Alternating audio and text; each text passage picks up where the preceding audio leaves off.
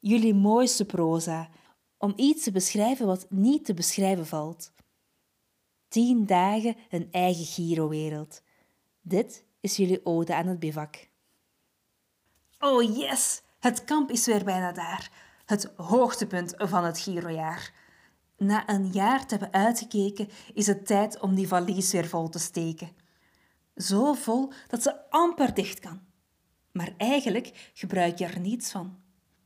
Goed wetende dat hij die zeep maar één keer gaat gebruiken. Om die ene dag na de vettige spelen niet te slecht te ruiken. Een verse onderbroek, voor elke dag eentje gepland. Werkelijk maar twee nodig, tweemaal binnen- en buitenkant.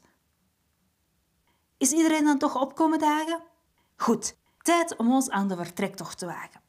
Nog een laatste keer de mama en papa uitzwaaien, om vervolgens te verdwijnen door de hoek om te draaien.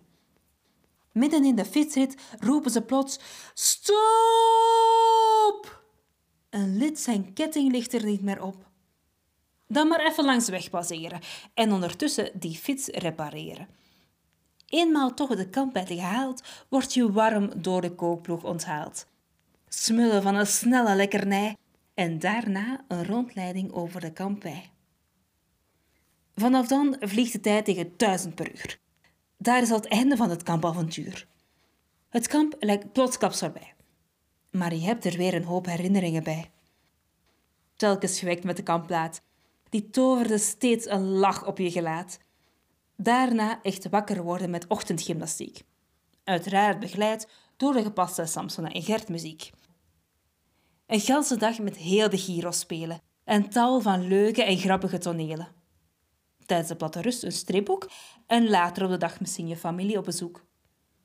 Je in van alles en nog wat verkleden. En dan op de bonte avond optreden. Het mooiste einde van zo'n avontuur?